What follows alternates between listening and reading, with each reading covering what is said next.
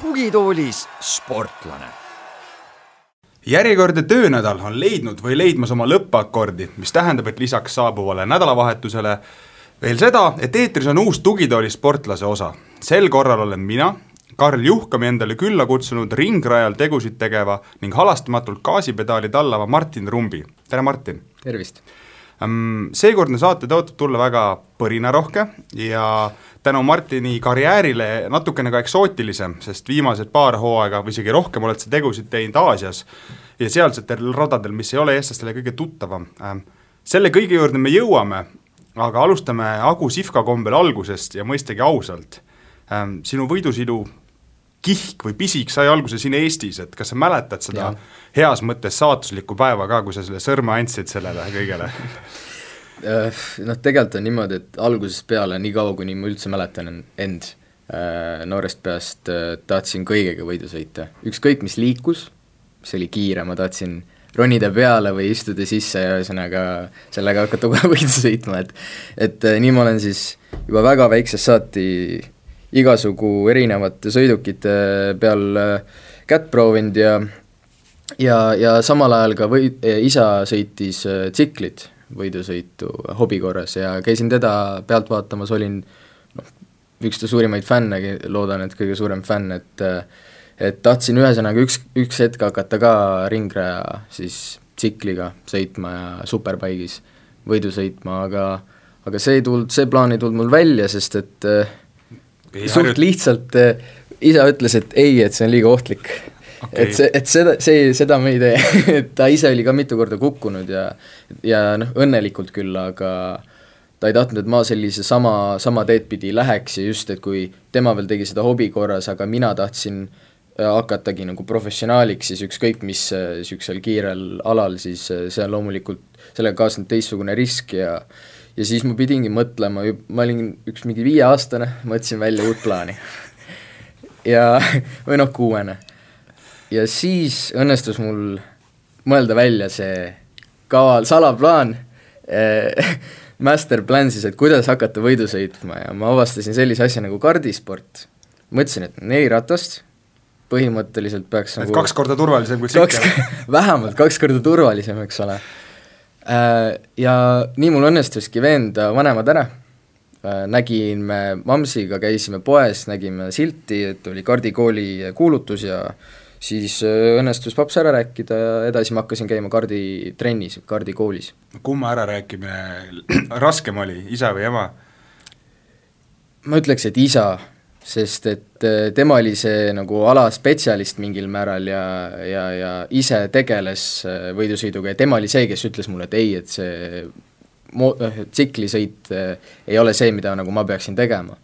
et siis tema oli kindlasti nagu see otsustaja seal, aga eks, eks emaga mul on siiamaani nagu selline fifty-fifty, et, et ta, ta muidugi on väga suur toetaja mulle, aga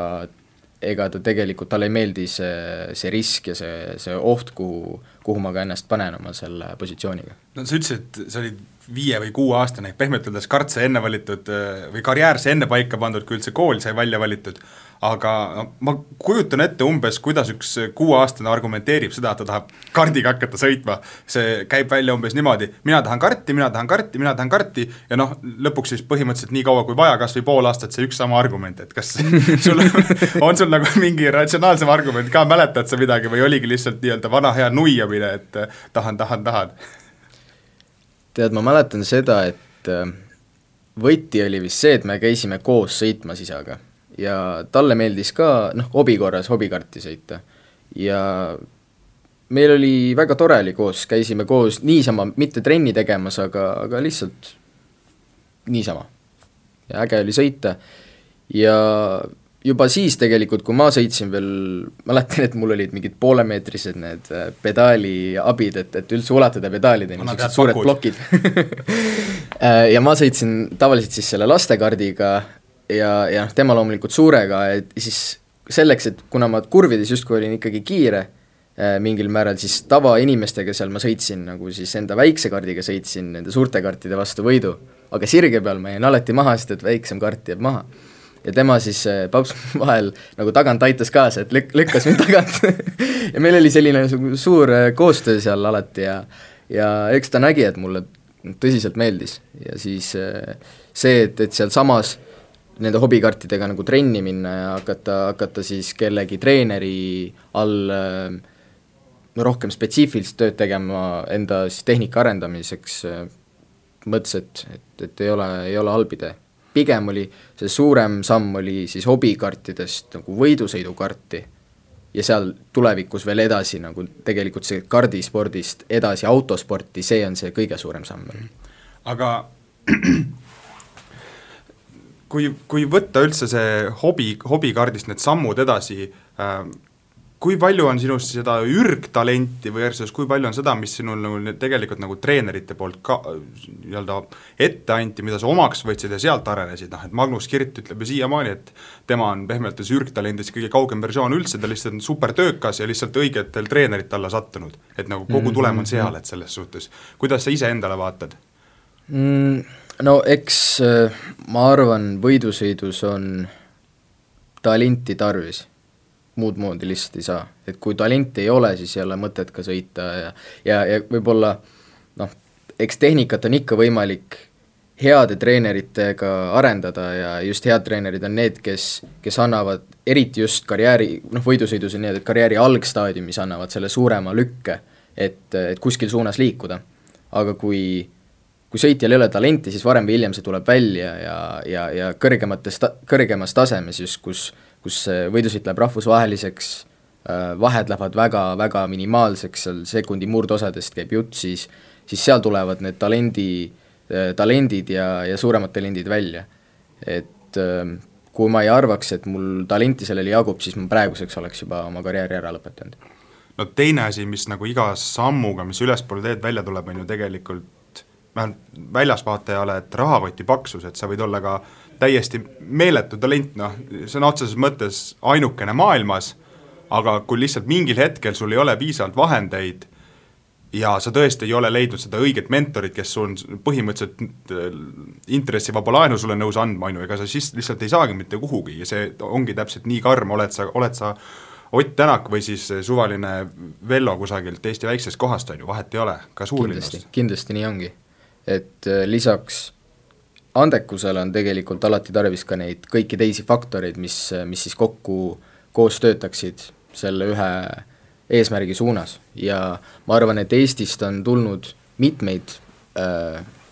väga talendikaid sõitjaid äh,, kes varem või hiljem on kuskil jäänud siis hätta kogu selle muu äh,, muu siis, et kokku see, see, see see kogu see pagas või kogu see noh, inglise keeles öeldakse package mm -hmm. selle mhm. kohta, et et kuskilt tuleb puudu, siis, siis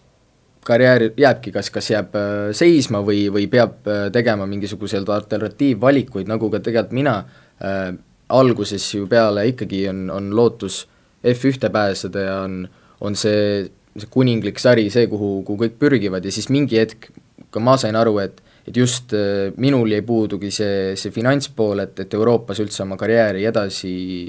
ähm, siis äh, noh, push ida ja, ja pidingi leidma mingid alternatiivteed. paljudel lõpeb see, see karjäär üldsegi ära ja ja kindlasti on, on just see taustajõud ja kogu see, see su-, noh, tiim, kes, kes sõitja ümber on, on väga suure tähtsusega no sa juba mainisid seda, et sul olid äh, väiksed unistused F1-st ja kuninglikust sarjast, kas need olid ka need mõtted, millega sa nagu ikkagi kuueaastaselt sinna kardirolli istusid, siis sa vaevalt ratsionaalselt kalkuleerisid, et nii, talendikas peab olema nii palju, rahakotti nii palju ja trenne nii palju? just ähm,, ma ütleks, et esimene selline, esimene mulle, esimene ka paljudele teistele mu ümber ähm,, võib-olla saan ka enda isa eest rääkida, kes on, kes on siiamaani mu karjääris siis olnud mu äh, mehaanikust alates ja, ja, ja sõiduõpetajast alates äh, kuni mana-, mänedžerini välja äh, praeguses momendis, et et ka temale ja minule oli siis kaks tuhat kümme aasta detsember see moment, kus me mõlemad saime aru, et et siin tegelikult ikkagi on nagu päriselt midagi, et kui ma, kui mul õnnestus võita maailmakarika tiitel äh, kardispordis, siis kõige kõrgemas mängus, mida äh, põhimõtteliselt sellel ajal nimetati veel kardispordi nagu niisuguseks olümpiaks mm,, Itaalias õnnestus see võit tuua, ma olin siis neljateistaastane ja siis sealt läksid nagu asjad päriselt käima. et kuni sinnamaani ta oli ikkagi, noh, ma võtsin seda väga tõsiselt, aga ka ma ei teadnud seda, et, et kuidas nagu maailma paremikuga, et kas ma, kas, kas ma olen ikka piisavalt hea ja et et ühesõnaga see, siis sai nagu selgemaks mm. -hmm ehk siis seesama kaks tuhat kümme vahetus kaks tuhat üheteistkümnele, kui sa tegid selle sammu kardimaailmast vormelimaailma vist et oli sul vormel Renault kaks punkt siis ma sain testida natuke seda, jah. just, et, et kas see oli siis ka nagu see nii-öelda võtmekoht, kus sai asi, kogu asi nii-öelda tõsisemaks, mitte et sa enne noh. jaa, jaa, et äh, nüüd päriselt, et saaks äh, esimese sellise nagu täishooaja vormelis ma tegin alles kaks tuhat kolmteist, et siis meil õnnestus nagu kogu pilt kokku panna, aga aga, aga kindlasti kaks tuhat kümme, see detsember maailmakarika võit oli see, mis, mis oli see niisugune kõige suurem lüke ja siis edasi oligi nagu pigem selle realiseerimine ähm,. Esimene täispikk hooaeg, sa ütlesid kaks tuhat kolmteist, äh, polnud üldse paha, vormel Renault, Renault üks punkt kuus ja hooaja kokkuvõttes, ma saan aru, et debüüthooajal siis teine koht? jah, kahte erinevat sarja sõitsime, sõitsime Põhja-Euroopa sarja äh,, siis äh, see Renault üks kuus NEC ja teine sari oli siis Skandinaavia sari, mis sõitis koos STCC-ga, mis on, äh, praegugi sõidavad need äh, Rootsi touring car äh, võidusõit. kas, kui sa praegu mõtled, kas see, et see algus kuidagi väga lepase reega läks, noh, nii-öelda esimene täispikk hooaeg seal vormelisarjas, oli kuidagi kasulik, kahjulik? ma arvan, et alati edukas hooaeg on kasulik, eriti selles maailmas, kus kus nüüd tagantjärgi on äh, mulle selgemaks saanud see, et isegi kui, kui äh, vahel tuleb ette, et, et et teed sammu edasi enda mõttes, enda tulemuse poolest, isiklikus mõttes, kui see ei näita välja üldtulemust tabelis, siis paljud teised sellest, äh, kui üldse keegi, paneb tähele. ehk et äh, ise areneda on loomulikult kõige olulisem. ehk kui ainult võita, siis jääb küsitavaks see, et kui palju sõitja areneb no,. kui ta see... võtab endale võib-olla liiga selliseid väikseid äh, äh, ettekatsumisi. või see vana hea, mida tuuakse välja, et kui sa oled lihtsalt liiga kiire auto endale saanud, noh, heas mõttes liiga kiire, et meeskond on lihtsalt üle pea üle, aga nii-öelda sõitja sõitja vastu duellis mees ei pruugigi üldse nii hea olla jah, eks see, see on hea point äh,, küll aga nendes nooremates klassides on äh, tavaliselt need, need autod on single make, mis tähendab seda, et nad tulevad tehasest kõik ühesugusena välja, et seal autodel vahet nagu F1-s, et, et kõik autod on erinevad mm. -hmm. et sellist, sellist äh, asja ei, ei ole üldse. et alles F3-s, äh, vormel kolmes siis on ma arvan, esimene selline nagu ju-,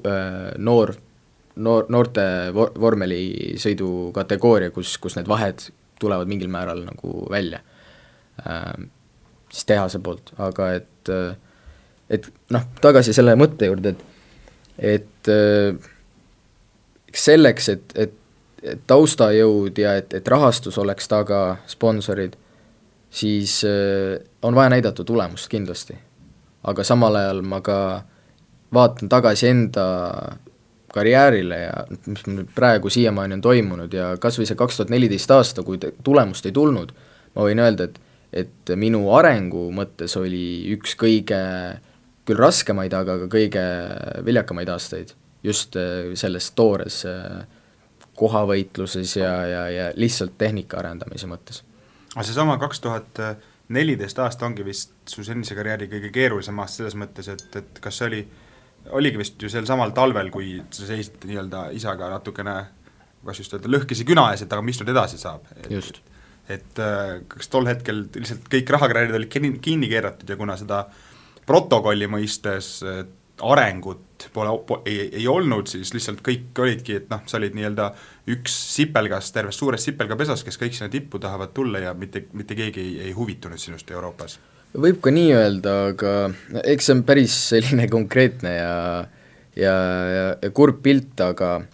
ma arvan, et, et seal, seal mingil määral oli ka tõde et sees, et, et kindlasti oli inimesi veel, kes, kes musse uskusid,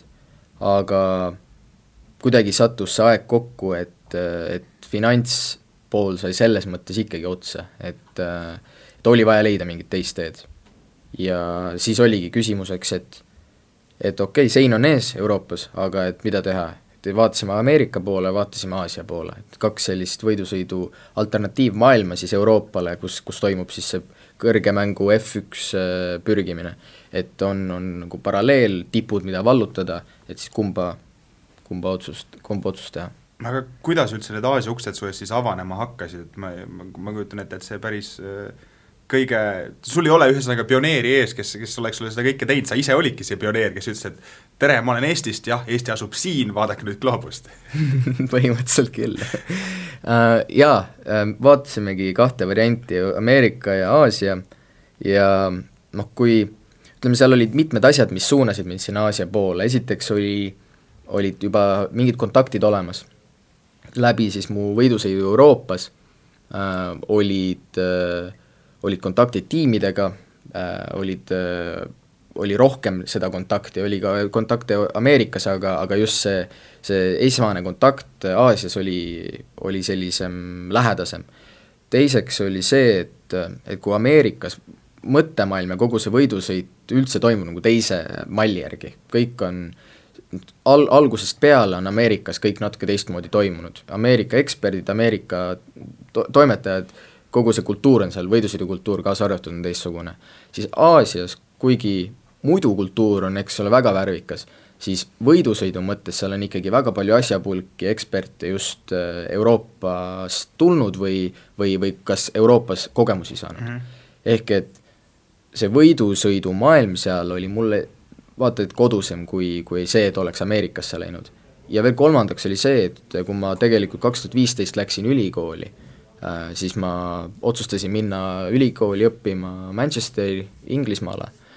ja Ameerika, Ameerikas võidu sõitmine oleks tähendanud ikkagi seda, et ma olen, oleks pidanud kolima sinna ja siis ei oleks mul see ülikooli asi ka välja tulnud, et äh, selleks, et oma mehaanika insegra-, insenerikraad üldse välja teenida, ma pidin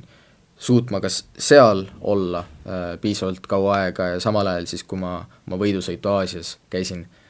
nädalavahetuste kaupa nagu ära tegemas. ehk siis sa lihtsalt iga nädalavahetus pehmetades lendasid Aasiasse, tegid oma kaks sõitu ära ja lendasid tagasi, noh, kui nüüd väga rõvedalt liialdada? no põhimõtteliselt küll, et päris iga nädal õnneks ei lennanud, sest muidu oleks olnudki see võimatu, aga aga lendasin täpselt nii palju, et ülikool küsis omalt poolt, et et Martin, millal sa lõpetad selle no pehmelt öeldes karnevali ära et äh, ühesõnaga otsusta ära, et kumba asja sa tahad teha, kas sa tahad teha ülikooli või kas sa tahad äh, võidu sõita. ja ma muudkui käisin neil, neid seal pehmendamas, et äh, et noh, ma teen asjad ära, et pole, pole probleemi, et, et ma, ma tahan seda, ma tahan mõlemat väga, väga palju, ma tahan äh, saada korraliku kraadi, ma tean, et ma pean seda praegu tegema, sest et hilisemal momendil seda ei pruugi enam mul varianti tekkida. ja samal ajal ka võidusõit on selline asi, kus sa oled kas rongi peal või sa ei ole rongi peal ja kui korraks hüppad maha, siis tegelikult rong on läinud ja edasi on väga raske sinna tagasi peale saada. ja lõpuks õnnestus mul täitsa hea hindega asi ära teha ja kuigi äh, eksamitelt sai puudutud äh,, sai ka miinimum siis hindega neid eksameid järgi tehtud äh, ja sai veel viimasel aastal niimoodi puudutud, et saigi null sinna kirja, aga, aga keskmisega ma õnnest-, õnnestus mul ikkagi nagu see hinne nii palju üleval hoida, et sain siis Eesti mõistes nagu neljaga lõpetatud mm. -hmm. ma tean, mul ema ütles ka, kui ma TTÜ lõpetasin, tegi mu diplomi lahti, vaatas, et sa ei kukkunudki ühtegi eksamit läbi, sa pole ülikoolis käinud siis, et noh, ma mõtlesin, et ise, et noh, vahepeal olidki üliõnnelik ühe üle, aga nagu näha, siis tegelikult võivad olla lävendid kusagil mujal ka, aga see ülikoolis käimine äh,, mehaanika insenerikraad. just äh,. palju see sind igapäevaelus aitab? see on väga hea küsimus. mulle meeldib mõelda nii, et äh, kas või võidusõidus äh,, kui ma ei tegele mitte millegi muuga, ütleme, et ma lähen lendangi oma nädalavahetuseks ära, on ju, siis äh, reede, laupäev, pühapäev on vaja võidu sõita, trennisõidud, kvalifikatsioon, võistlussõit, väga palju seal aega ei ole, et ähm, niisama ringi uhada ja ja ütleme, tutvuda asjadega, et on vaja algusest, esimesest ringist saati on vaja kohe tegeleda auto seadistamisega, on vaja anda tohutult palju tagasisidet ja just täpset tagasisidet inseneridele, kes siis teevad õigeid otsuseid selle äh, baasil, et, et mida siis autoseades muuta. kui autoseade on mööda, kvalifikatsiooniks auto ei, ei saa kiire olla. Ja, ja, ja seda enam, et sul on veel mitu, sul on palju-palju erinevaid tooteid, tootjaid, autotootjaid koos, siis iga autotootja peab olema oma nagu praktiliselt maksimumil, et, et olla siis teiste vastu võiduvõimeline. ja minu see insenerikraad, ma arvan, tuleb seal mängu, et ma suudan äh, suhelda nende inseneridega võib-olla natukene nagu lähedama just nende keeles. et ma arvan, see on küll eelis, et loomulikult paljud sõitjad, kellel ei ole seda insenerikraadi, mingi aeg võib-olla suudavad ka endale tekitada selle keele või nad, nad suudavad lihtsalt puhtalt kogemuse pealt seda rääkida. ja et auto teadmine juba on nii hea, aga ma, ma arvan, et see niisugune tehnilisem pool on tulnud kasuks juba praegu sa korra mainisid enne seda Ameerika mootorispordi mõttemaailma, et see on väga teistsugune, kui meie Euroopas oleme harjunud, oskad sa seda kuidagi lihtinimesele kirjeldada ka, et, et kas seal on siis, ma ei tea, veel suurem võitja mentaliteet või, või, või mis see nii erinev siis on, et see on no ütleme, ma ei ole kordagi elus Ameerikas käinud, nii et päriselt ma ei ole seda näinud, aga eks ma lähtusin ähm,, lähtusin äh, teiste asjatundjate jutust ja soovitustest. ja loodetavasti mul nüüd lähitulevikus õnnestub ka Ameerikas ära käia, et ma arvan, et siis ma saan rääkida sellest. et ütleme, peale vaadates äh, mitte liiga suure mootorispordi eksperdina mulle tundub, et seal on väga suures aus on ka sellised noh, kestvussõidud ja võib-olla siis ütleme, lihtsa inimese sõidud, noh mul lihtsalt kangestuvad silme ette need lõputud ovaalid, kus kommentaator peab kaks tundi ütlema, et nad teevad vasak, võtavad vasakkurvi ja siis võtavad vasakkurvi. et, et mujal Euroopas on ikkagi nüansi rohkem see mäng, aga noh, ütleme see on see, mis nagu peale vaadates tundub, või ma kujutan ette, et seal on ka tegelikult väga huvitavaid radu, mida annab, annab pähe õppida. ja kui ma nüüd selle pähe õppimise nüansi mängu tõin, ma tean, rallimehed panevad ringi ära sõitjatele alati puid alla, et ega see ei ole, me ikka teeme õiget asja, et meil ei ole nii, et me õpime pähe, kuidas rada käib ja siis lähme seda sõitma. sina just seda teed, kui palju sa üldse kulutad näiteks uus rada, kui palju sa kulutad selle õppimisele, et sa teadki mm., et siin on nüüd ma ei tea, kolmanda käigu kurv, siin on viienda, siin hakkan siin pidurdama, kui palju sa teed seda eeltööd, kui palju sa õpid seda koha peal, kui palju sa muudad, kogu see, kogu see protsess? ma arvan, et see on kindlasti koht, kus praeguse aja äh, simulaatorid, sõidusimulaatorid kas või PlayStationi tasemel simulaatorid on, on väga kasulikud äh,, et õppida radu. rajad, kus ei ole seni sõitnud, on võimalik äh, praegusel hetkel praktiliselt õppida kõik äh, sõidumarkerid ära, kõik sellised markerite osas ma mõtlen siis pidurduskohad, kurvi sissekeeramiskohad, gaasile minemine kõik sellised äh, kas või äärekivide kasutamine, et see, see tuleb juba simulaatorites väga hästi välja võidusõidu sellistes paremates võidusõidumängudes. Äh, ma kindlasti tegelen sellega, aga praeguseks äh, ma olen Aasias juba nii mitu aastat sõitnud, et et tegelikult kõik need rajad, või noh, peaaegu kõik rajad ma olen juba läbi käinud, ehk siis ma juba olen talletanud oma mingisuguse teadmised ja kogemuse kuskile vihikutesse ja ma, ja sealt pealt ja videote kaudu, pardakaamerate kaudu äh, võtan need tagasi nagu oma värskesse mällu ja siis lähen sõidan uuesti, et et kindlasti sõid, võidusõidu ajal ja ka kord, kui võidusõidu nädalavahetus hakkab, siis äh, ei ole kaua aega tegeleda raja õppimisega, et selleks ajaks peab olema juba kodutee tehtud. ühesõnaga, sina oled see mees, kes saab mängida PlayStationi peal F1 ja öelda, et ma teen tööd aga on see nagu huvitav. aga on, on see nagu, kas, kas selline versioon võiks olla põnevam kui kui noh, ma saan aru, et seda liiga palju teha ei saa, sellepärast et lihtsalt rajad saavad maailmas otsa, aga võtta teid kõik ühe sarja mehi ja tuua teid nüüd plats, paneme teid näiteks Katari maha ja rada, mida mitte keegi ei tea ja teil kõigil ongi täpselt nii-öelda kohanemisaega noh, üks, üks Grand Turismo mäng on ju ja siis kolm vabatreeningut ja siis nii-öelda kogu asi läheb käima. kas see lisaks nagu üldse mootorispordimaailmale mingit vürtsi, kui, kui toimuks sellist mm. suuremat rotatsiooni, et ei oleks, et panedki kakskümmend, kakskümmend viis aastat oma Interlagos seal Brasiilias ja sul on mm. nii pealuu sees, eriti kui sa veel sealt oled pärit ka? no show mõttes on see kindlasti äge ja, ja huvitav, ma arvan, et selline asi nagu Race of Champions, mis iga aasta tehakse, just tuuaksegi mitte ainult äh, mitte ainult erinevate radade eksperte, vaid erinevate sõidukategooriate eksperte ja, ja mingisugusel määral kas võitjaid, tšempioneid. ja pannakse koos kõiki võidu sõitma erinevates kategooriates ja, ja kõik on ühel rajal, mis on kõigil uus. et see on kindlasti väga huvitav kontsept ja ja, ja seda on äge vaadata, et aga, aga ma arvan, et mis, mis puutub sealt edasi, siis võidusõidurajad, kompleksidena on niivõrd suure mahu ja, ja ka rahastuse mõttes ja, ja kogu see programm seal, et, et või projektid, et üldse neid võidusõiduradu ehitada, see on, need on nii pikaajalised, et, et ei ole võimalik nagu lihtsalt uusi radu tekitada igaks selleks momendiks, et kõigil oleks nagu uus. just. Sa enne mainisid nagu erinevaid märksõnu, mis sul on, kust tuleb hakata gaasi panema, pidurduspunktid, kohad kui suur see eksimusruum sul tegelikult seal raja peal on, et kui seal sirge lõpus hakkad ma ei tea, paned markerist viis meetrit mööda, kas siis ongi, võib, võib olla väga-väga halb kõik, mis edasi ja. saab? jah, sõltub olukorrast loomulikult äh,, paljud rajad, kus ma praeguse seisuga käin, näiteks mu põhisari, mida ma praegu äh, äh, üritan siis äh, võidule minna juba äh, siis sellest ajal, alates, kui, kui see rad-, äh, sari sinna tuli, kaks tuhat seitseteist, GT World Challenge äh, Aasia sari,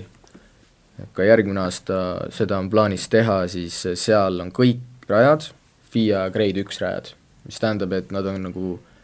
siis raja taseme, selle, kogu selle raja struktuuri ja kogu, kogu facility mõttes nad on kõige-kõige äh, mm. tasemega, mis tähendab, et neil on alati, nad on põhimõtteliselt F1 rajad, nendel on ohutusalad on tehtud võimalikult äh, ohutuks see, et kui näiteks tulebki mingi aps sisse, et siis kas on mingit äh, asfaltit või äh, või on, või on ruumi seal tehtud äh, kruusaaladega, et, et, et, et autod kohe nagu noh, sodiks ei sõida, kui, kui viis meetrit mööda paned. ja rajad on ka suhteliselt laiad, et, et kui viis meetrit on veel selline distants, mis mis raja laius tavaliselt on seal üle kümne meetri, et siis ikkagi on nagu võimalik veel ära päästa. aga kui me räägime nüüd äh, näiteks tänavaradadest, kus ma ka see aasta käisin äh,, väga, väga huvitav rada oli Banksenis, Bangkoki lähistel. ja noh, esiteks, tohutult hüplik, üks kõige hüplikumaid radasid, kus ma elus sõitnud olen. ja ja võidusõidu R8 GT3 auto, mis, mis tegelikult on nii, niivõrd jäik auto, et, et see, see ütleme, koos siis võidusõiduauto koos nende hüplikkusega, see tähendabki seda, et sul tihtipeale sul on neli ratast õhus. ja, ja sa pead siis eeldama, et mis juhtub seda, pärast seda, kui auto tagasi maandub ja, ja kui jõud on ühtepidi, teistpidi on kurvi sellised kaskaadid, kus, kus auto vahetab kiiresti äh, äh, noh, suunda, siis äh, siis eh, mul ikka juhtus mitu korda seal, me võitsime muide selle sõidu, aga äh, seal sõidu jooksul ma mäletan mitut korda, kus, kus nii-öelda siis noh, võib-olla tsikli mõistes on nagu tankslapper on selle asja nimi, kui, kui asi läheb nagu ühtepidi ja siis maandub ja siis läheb teistpidi ja siis sa pead seal nagu selle ära päästma, et, et, et noh, seinad on kohe kõrval. ja seal, seal on küll see, et viis meetrit sul ei ole ruumi, et eksida. Aga kui üldse võidusõidust võidusõidu ajal, kui väga see piiride kompamine on, et eh, kui väga sa oled nii-öelda hetkes sees, et sa lihtsalt oled mingi, ma tahan sellest venast mööda saada, versus siis see, et sa saad aru, et kui sa nüüd veel kümme meetrit surud, et tast mööda saada, no siis on see, et ma ei tea, kas ma üldse päästan, hoian seda autot veel rajal, et kui, kui väga sa kalkuleerid, ütleme, niisugust ohtlik, riskantsematel möödasõitudel seda kõike läbi või see kogu on... aeg, kogu aeg, ma arvan, et seal tuleb kindlasti professionaalsus mängu, et jutt käib sellest, et, et et, et, loomulikult iga võidusõitja tahab võita ja teha kõik selleks, et mis on võimalik, aga ja, ja noh, siis tuleb ka kogu see emotsionaalsus ja, ja tihtipeale pulss on niivõrd üleval, võidusõidus tegelikult pulss on mingi kohavõitluses, lisaks sellele, et, et, et me räägime väga palavas autos viibimisest kahekordse, kahe kihi tulekindla pesuga, sul on tohutult palav, põhimõtteliselt sul on tunne, nagu sa sprindiksid kuskile, nagu noh, pulss on üleval ja keskendumine, et üldse hoida nagu kontrolli all, see on juba iseenesest raske. ja nüüd, kui me räägime kohavõitlusest, siis see tõstab adrenaliini ja, ja on võimalik, äh, kõrgendatud sellises adrenaliini olekus on alati võimalik äh,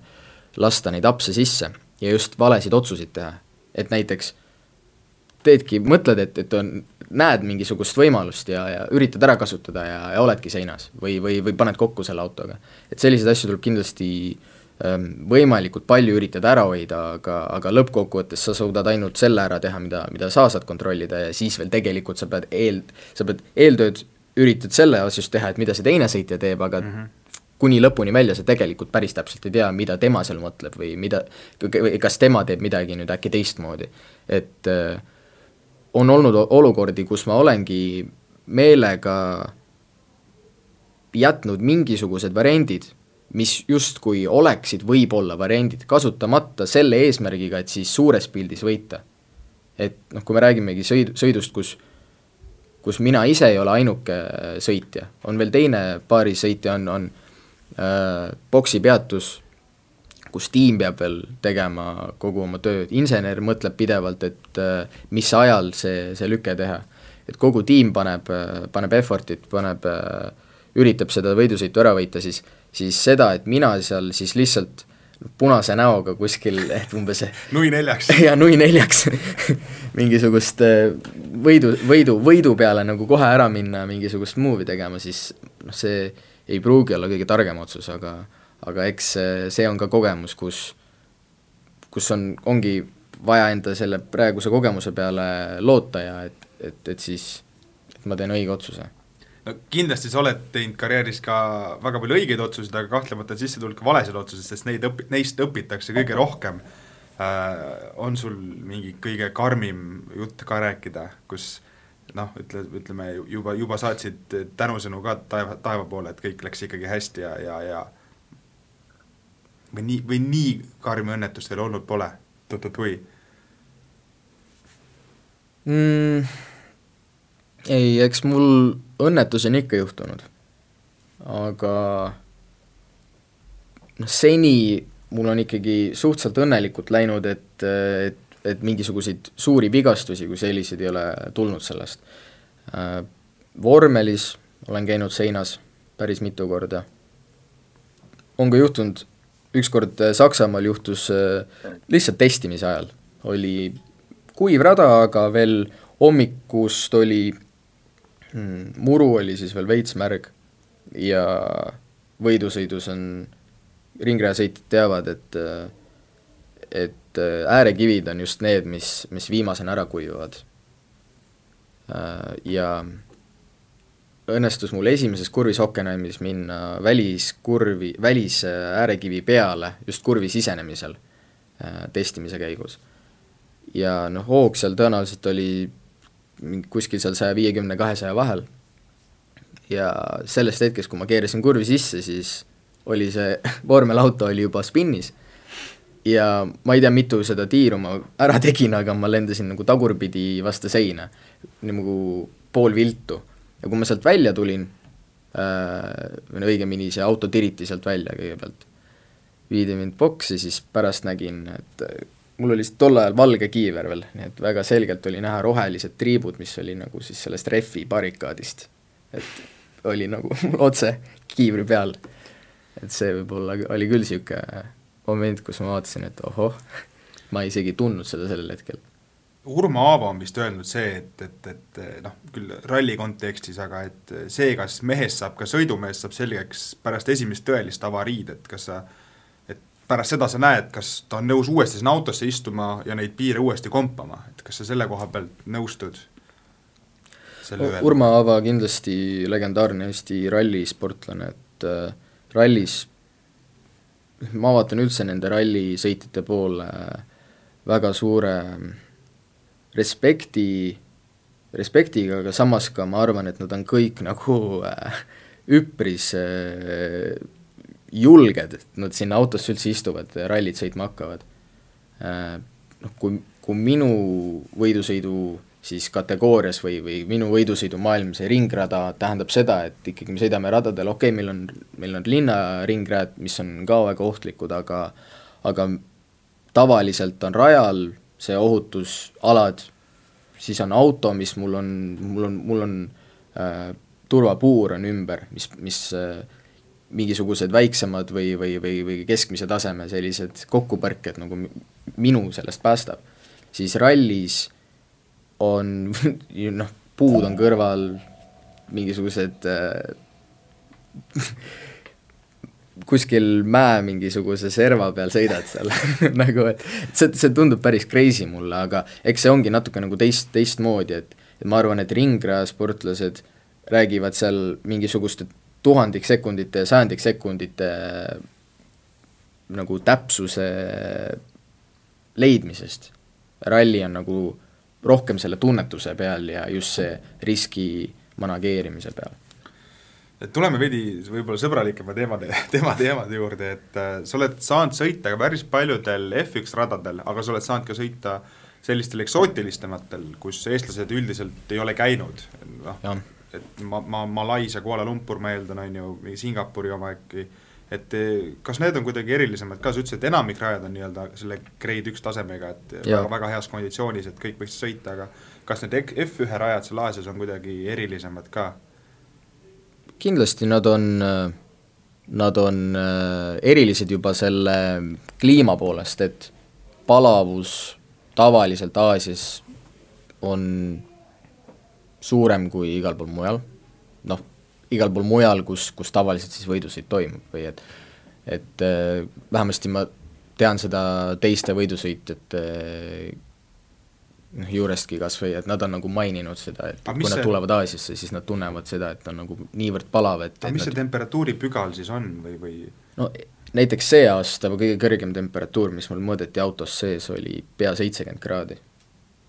see on nagu põhimõtteliselt saunas istumine. Et see on muidugi kaua sa seal autos istud, see ei ole ju tunniajane sõit nagu selles suhtes, kui sa selles mõttes ma pidin istuma trennide käigus, ma istusin seal peaaegu tund aega ära, aga võidusõidu käigus ma olin seal circa kolmkümmend viis minutit. ja noh, see on ikka karm. aga noh, uutel autodel on eh, kogu see ventilatsioon natuke paremaks tehtud, et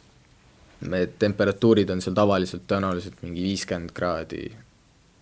ku-, võib-olla kuuskümmend, aga pigem mitte üle selle, et see seitsekümmend oli, oli ühes vanema mude-, mudeli autos, et vanema mudeliga Audis, et see, see oli küll karm, ma mäletan, et ma olin põhimõtteliselt raadio, meil oli veel po-, see ohutusauto tuli rajale, mis tähendab, et kogu see äh, vähegi nagu jahutav õhk, mis eest tuleb sisse, see hoog võetakse maha, nüüd õhku enam ei tule, mingit konditsioneeri meil loomulikult ei ole, on ainult õhuavad. Ja need õhuavad on ka nii pisikesed. Ja kui ma nüüd, et võt-, võetakse hoog maha ja ees on mul veel kak-, oli kaks autot. Nende autode kuum õhk tuleb mulle sinna autosse ja, ja enda aut-, mootorist tuleb nagu õhkab äh, tagantpoolt nagu kuuma peale, siis äh, lükkasin lihtsalt raadio sisse ja see on nagu esimene kord, kui mul üldse karjääris on niimoodi olnud, et mu tunne oli, et ma noh, tõesti nii, niivõrd palav, et ma ei tea, kas nagu noh, mis nüüd nagu saab, on ju, et ma, pean, ma pean kiiremini hakkama sõitma, sest et ma tahan nagu mingit jahutust, siis ma läksin raadio peale, rääkisin inseneriga lihtsalt mingisugust noh, suvajuttu ühesõnaga, lihtsalt rääkisime temaga, et otsime nagu kon-, kontakti, et oleks vähemasti nagu pilti taskusse viskaks või? just, et pilti taskusse vistaks, et viskaks, et mul nagu mõte oleks kogu aeg nagu asja juures. aga noh, see selleks äh,, radade poolest on küll äh, päris ägedaid radasid on Aasias, just mingisugused väiksemad niisugused äh, külarajad nii-öelda. aga, aga need F1 rajad, noh, need on enamus kõik äh, Herman Tilke disainitud, et selles mõttes nendel on ikkagi, nad on mingi standardi järgi ja nad on noh, nad, nad on põhjusega grade üks rajad, et et seal noh, iga rada on eriline, ma arvan, ja, ja pigem on just see oluline, et kuidas igale sõitjale enda nagu kogemuste ja tulemustega see ra-, mi-, milliseks see rad-, rada siis nagu talle saab, et see on nagu ma arvan, nagu just see kõige olulisem um,. praegu oled sa Audi palgal äh, ja on öeldud, et sa oled vist Audi esindusnägu Aasias peaaegu, midagi sellist. et kuidas üldse see uks sul avanes, et kui sa omal ajal Aasiasse läksid, siis äh, Hiinas Formula Mastersit sõitsid mm -hmm. ja seal noh, olid küll eesotsas äh, hooaja kokkuvõttes äh, üks sõiduvõit, aga ikkagi sarja meistritiitel, et kas see oli nagu see, mis selle üks sõiduvõit? Ma nii, niimoodi ma suutsin välja leida, et kui sa seal Hiinas Formula e kümme sõiduvõitu. no näe, siis jäi üks-null puudu ühesõnaga ümberkirjutamisel, aga igatahes meistritiitel tuli, on ju et, et kas see oli, avas nii-öelda siis need audiouksed või kuidas jah, jah, kindlasti, kaks tuhat viisteist oli väga kõva aasta. Äh,, siis kohe esimene aasta peale seda seina, mis mul äh, Euroopas tekkis äh,, õnnestus oma selline igatpidi enesekindlus õnnestus tagasi äh, saada ähm,, peale rasket aastat õnnestus kohe esimese asjana Malaisias Sepangis võita, kohe esimene sõit. ja ega ka kaks tuhat viisteist selles mõttes nii nagu libedalt ei läinud, et et loomulikult see võit lõpuks tuli, aga aga algusest peale oli jutt ikkagi see, et, et raha ikkagi ei ole, et seda sõitu teha, nüüd oli mingi kas nädal aega enne seda päris võidusõitu, mis vist oli äkki märtsis või oli aprillis äh, Sepangis, veel nädal aega enne seda sõitu ei olnud nagu mitte midagi kindel ja siis tiim tahtis ikkagi, et ma tuleksin sinna ja nad ikkagi aitasid ka kaasa ja et ühesõnaga tehti lõpuks niisugune pakkumine, et noh, et teeme selle ühe sõidu ära, et kas me selle ühe, üheks sõiduks suudame selle raha äkki nagu kokku ikkagi leida, et kokku noh, paneme sealt nagu siitpoolt-sealtpoolt. ainult üks sõit, mitte see sari nagu mm -hmm. terve hooaeg. Ja see üks sõit õnnestus meil ära teha ja ma õnnestus, õnnestus see kohe mul võita ka, sealt saime raha siis uuesti, et teha teine sõit. Siis seal me noh, oli, oli, oli ka hea võidusõit, siis saime kolmanda sõidu tehtud ja alles siis saime kinnitatud, et teeme terve hooaja, kuus, kuus nädalavahetust. ja Volkswageni mootoritega, Volkswageni eh, tehase toega sari, Audi samal ajal eh, mitte küll kõikidel nädalavahetustel, aga päris mitmel nädalavahetusel käis seal ka koos võidu sõitmas. et olid noh, erinevad kategooriad, aga samal ajal mm,. Ja jäin kindlasti silma Audile ja juba kaks tuhat viisteist tegelikult ma sain esimest korda proovida Audi R8-t äh, Sepangis testina. eks kokkuvõttes äh, kõik on taandunud nii-öelda ühele sõidule, et kui seal oleks kõik pekki läinud, siis sa võib-olla ei oleks praegu enam nii, võib ka niimoodi öelda jah, selles mõttes, et see huvi, audio huvi tekkis hiljem, see tekkis siis, kui mul oli keset hooaega, oli selline seitsmevõiduline nagu saaga. aga poleks ma... esimest võitu tulnud, siis ei olekski ju noh, üldse nagu kogu seda jada tulnud. just, aga et see, et Audi nägi, et ma noh, olen selline sõitja, nagu ma olen, oli keset hooaega, kui ähm, meil oligi nädalavahetus oli koos ja ma mäletan seda päeva muide, sest Audi boss, tolleaegne boss tuli mulle juurde, ütles, et, et väga tubli, mis sa teed ja et jätka samas vaimus ja et me hoiame sul silma peal. see oli Taiwanis ja mul õnnestus see too nädalavahetus kõik kolm võidusõitu võita ja pika vahega, et äh, siis nad nägid, kui, kui dominantselt ma tooaegse neid, neid vormelisõite seal selles sarjas võitsin ja sealt kindlasti ka tekkis see, see Audi variant, sest et juba aasta lõpus ma mind lasti Audi R8 rooli võidusõidus Shanghais, tegin kaasa siis sellest Audi R8 LMS Cupist äh, juba suurte tegijatega seal Audi maailmas, kes tollel ajal äh, võidu sõitsid. ERR käis sul ka sellel aastal korra külas ja, ja Alvar Tiisler tegi muuhulgas juttu ka siis äh, Audi Aasia direktori Martin Küüliga, kes kirjeldas sind niimoodi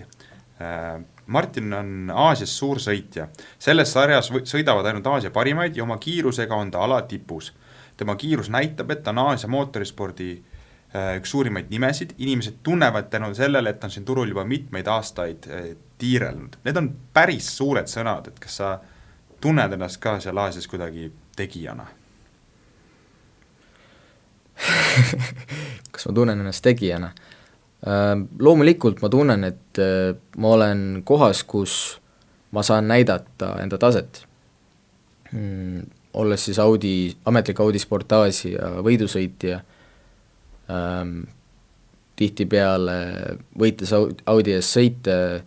kõvades sarjades, Aasia sarjades, äh, ma tunnen, et ma kindlasti olen õiges kohas, ka enda arengu poolest, enda arengu mõttes, aga et et see, kelleks ma tahan oma noh, pikas perspektiivis võidusõitjana saada, seda ma loomulikult veel ei ole, et, et pikk maa on veel minna, kindlasti üks lause, mis Küül veel ütles, on see, et tegelikult tunnevad sind Aasias kõik, kes mootorisporti jälgivad. Kas mingil määral väljendub see ka väljaspool ringradu, et noh, Aasias ilmselt vaadatakse sind tänu su blondile juuksevärvile juba väga palju, et olles ise seal ühe korra käinud, ma olen ka peaaegu meeter üheksakümmend pikk, siis mina olin ka võrdlemisi liikuv monument seal, et tehti pilte ka tehti, tehti pilte. Õnneks meil oli seltskonnas ka blonde naisterahvad, et nemad olid nagu põhisihtmärgiks, aga ka mina sain neid selfisid teha. Ehm, kui palju sul sind tänaval peatatakse, küsitakse, mis sa siin üldse teed, oled või, või sa nii-öelda tänavapilti ja, ja ühiskonda liiga palju ei, ei kipu nendele võistlustele on ikka juhtunud, aga, aga ma arvan, et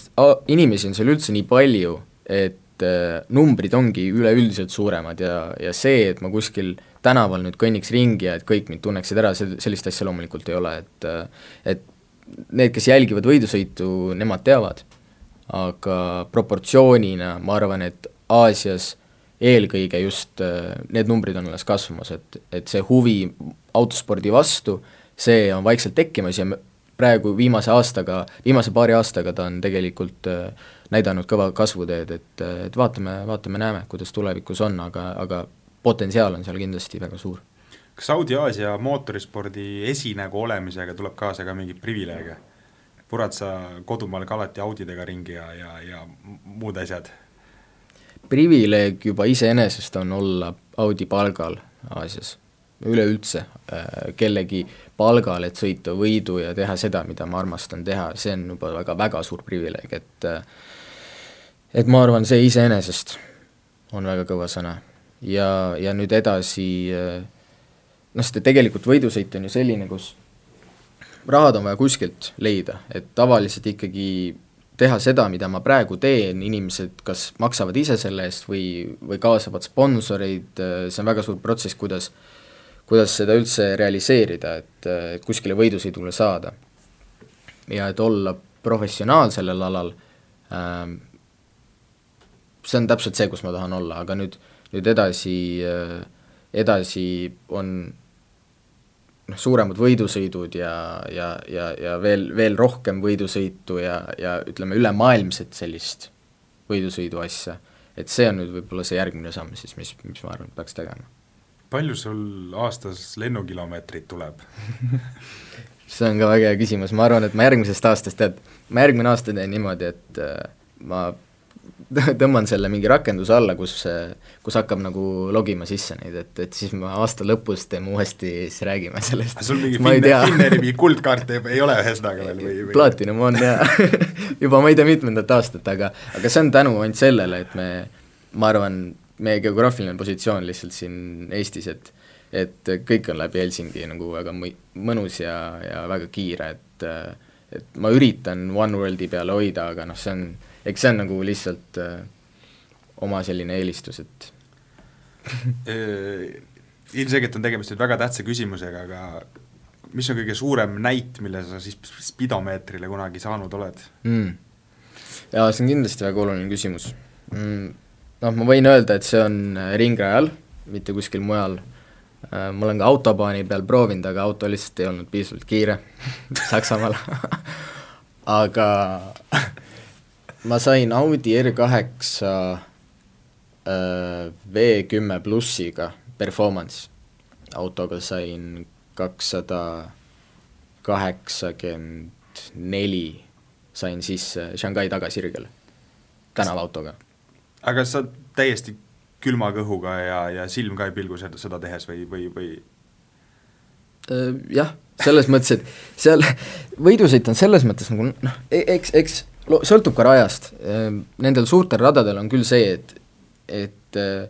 kõik on justkui kontrolli all, loomulikult tehnilist poolt sa ei saa kunagi enda kontrolli all hoida, aga see, see on lihtsalt usk sellesse, et et, et tiim on teinud oma töö ja et auto tootjad on teinud oma töö. Um,, et, auto ei, ei lähe puruks või, või midagi muud seal nagu tehnilise poole pealt ei juhtu, et, et, et ma olen ikkagi nagu ohutuskohas, siis sellel momendil ma istun autos pulss on madal, nagu ma istuksin praegu siin, või ütleme, kui on palav, siis loomulikult on natuke kõrgem, aga et ma, ma ürit-, nagu mõttes olen ikkagi nii rahulik kui võimalik ja keskendun ainult nendele markeritele, mis mul on, ja suhtelisele kiirusele. et oluline ei ole mitte see, et kui kiire ma olen absoluutskaalal, vaid oluline on hoopis see, et kui kiire ma olen suhteliselt sellele kiirusele, mis ma tean, et kuskil positsioonil rajal on võimalik. ja vaat see on nüüd see koht, et kui ma nüüd näiteks magan maha pidurduskoha, siis ma olen kurvi sisenemisel liiga kiire, vot see on nüüd probleem. ja see on see, millele ma mõtlen, aga see, et kas ma liigun kuskil, kas ma liigun kahesaja viiekümnega või kas ma liigun kas või kolmesajaga, see tegelikult ei ole lõppkokkuvõttes, sa harjud sellega ära palju räägitakse sellest, ma mäletan, kui, kui Top Gearis jahtisid nad oma, mis iganes see kiirus oma Bugatti Veyroniga seal jahtisid, on ju, said mm, -hmm. äkki said nelisada kätte, ma ei mäleta, aga igatahes nemad rõhutasid pärast sellele kiiruse hüpnoosile, et pärast nii-öelda tahtsid rahulikult seisma jääda ja ukse lahti teha, siis vaatasid spidomeetrit, et oi, sada on veel sees, on ju, et, et kus sul endal on mingi selline asi ka, et, et, et see lihtsalt, kui sa kogu aeg lihtsalt kakssada viiskümmend kilomeetrit tunnis tuhised, siis lihtsalt maailm on väga ühtemoodi ja ühel hetkel, kui nagu tahad seisma jääda, siis saad aru, et kuuskümmend kiltsa tunnis on veel sees. Uh, ma arvan, et mul on olnud ainult niimoodi küll, et, et kui see võidu, tähendab, võidusõit ja, ja kogu see kiirus, sellega sa harjud ära ja, ja siis ütleme, see ei ole enam mingisugune nii suur eriline nagu mingit tunneliefekti või sellist asja nagu noh, eks ikkagi loomulikult sa vaatad väga kaugele ette ja kogu see võidusõidutehnika, aga et aju harjub sellega ära. aga mis on juhtunud, on see, et äh, kui on peale võidusõidu nädalavahetust või nä-, võidusõidu mingit päeva või et olen ringrajal sõitnud kiiresti. ja nüüd ma pean istuma tänavaautosse ja sõitma rahulikult kuskil mööda maanteed, näiteks kas Pärnust Tallinna, siis vot on küll see, et ma pean nagu ikkagi väga, väga konkreetselt vaatama, et täpselt, et kui kiiresti ma sõidan, et ma ei sõidaks üle kiiruse limiidi ja et eh, see tundub mulle sellel momendil, nagu ma seisaks või sõidaks kuskil nagu kolmekümne alas. et see on küll olnud, aga jaa, ei, sõitke nagu ikkagi ohutult et äh, see, kui ongi, keegi läheb rajapäeval, et siis see aju võib natukene nagu ära kadu-, noh, eksida seal mm, -hmm. et mhm. et just sellele, et kui kiire, mis on ja et, et kogu see tunnetus, aga see tuleb ütleme, jälle, jällegi nii, nagu, nagu tänavalt ringrajale kõik tundub alguses väga kiire, vastupidi, ka ringrajalt ra-, äh, tänavale tundub kõik, tundub alguses üliaeglane, aga, aga andke natuke aega ja siis on kõik korras äh,. Lõpetuseks, mida, mida tulevik sulle toob, jätkad sa Aasias jätkad sa Audiga, jätkad sa oma suurepärase kereautosarja äh, tiitlijahtimist, Blanc Pain GT? jah, praegu, praeguse seisuga ei ole veel kinnitatud mu järgmise aasta plaane, et ma ootangi, Audi teeb tööd, Absolute Racing teeb tööd, kes äh, service ib ja, ja manageerib kogu seda võidusõidu asja seal äh, Audi jaoks Aasias praegu, et nad teevad tööd selleks, et leida need õiged variandid ja õiged, õige see komplekt siis kokku panna, komplekt, vaat package on komplekt. Ähm, aga ma arvan, et hetkeseisuga ikkagi tundub, et, et see Aasiasse jäämine hetk-, noh praegu see järgmiseks hooajaks näiteks nagu lühitulevikus on, tundub tõenäoline, nagu ka siis GT World Challenge Aasia, mis on äh, kahtlemata üle-aasialistes äh, võidusõidusarjades, ta on nagu kõige-kõige ähm,. Lähme, ma arvan, et Audiga on mõistlik äh, praegu edasi olla ja, ja, ja jätkata seda võiduotsingut. ja siis äh, tulevikus näeme, selles mõttes loomulikult äh, tahaks ka teha sinna juba järgmine aasta juurde mõne, mõne suurema sõidu, näiteks Suzuka kümme tundi või või kas või äh, Kialami üheksa tundi, et niisugune sari nagu Intercontinental GT mis on, võib öelda, et GT võidusõidu nagu absoluutne maailma tipp, äh, tippsari siis. et see on asi, kus ma tahaks osa võtta ja juba Suzuka kümne tunnil ma käisin see aasta kohal, küll ei sõitnud, aga vaatasin pealt, olin seal ise Audi kapi siis mentorina koha peal, õpetasin teisi sõitjaid, aga, aga nägin just seda, noh, kuidas kõige-kõige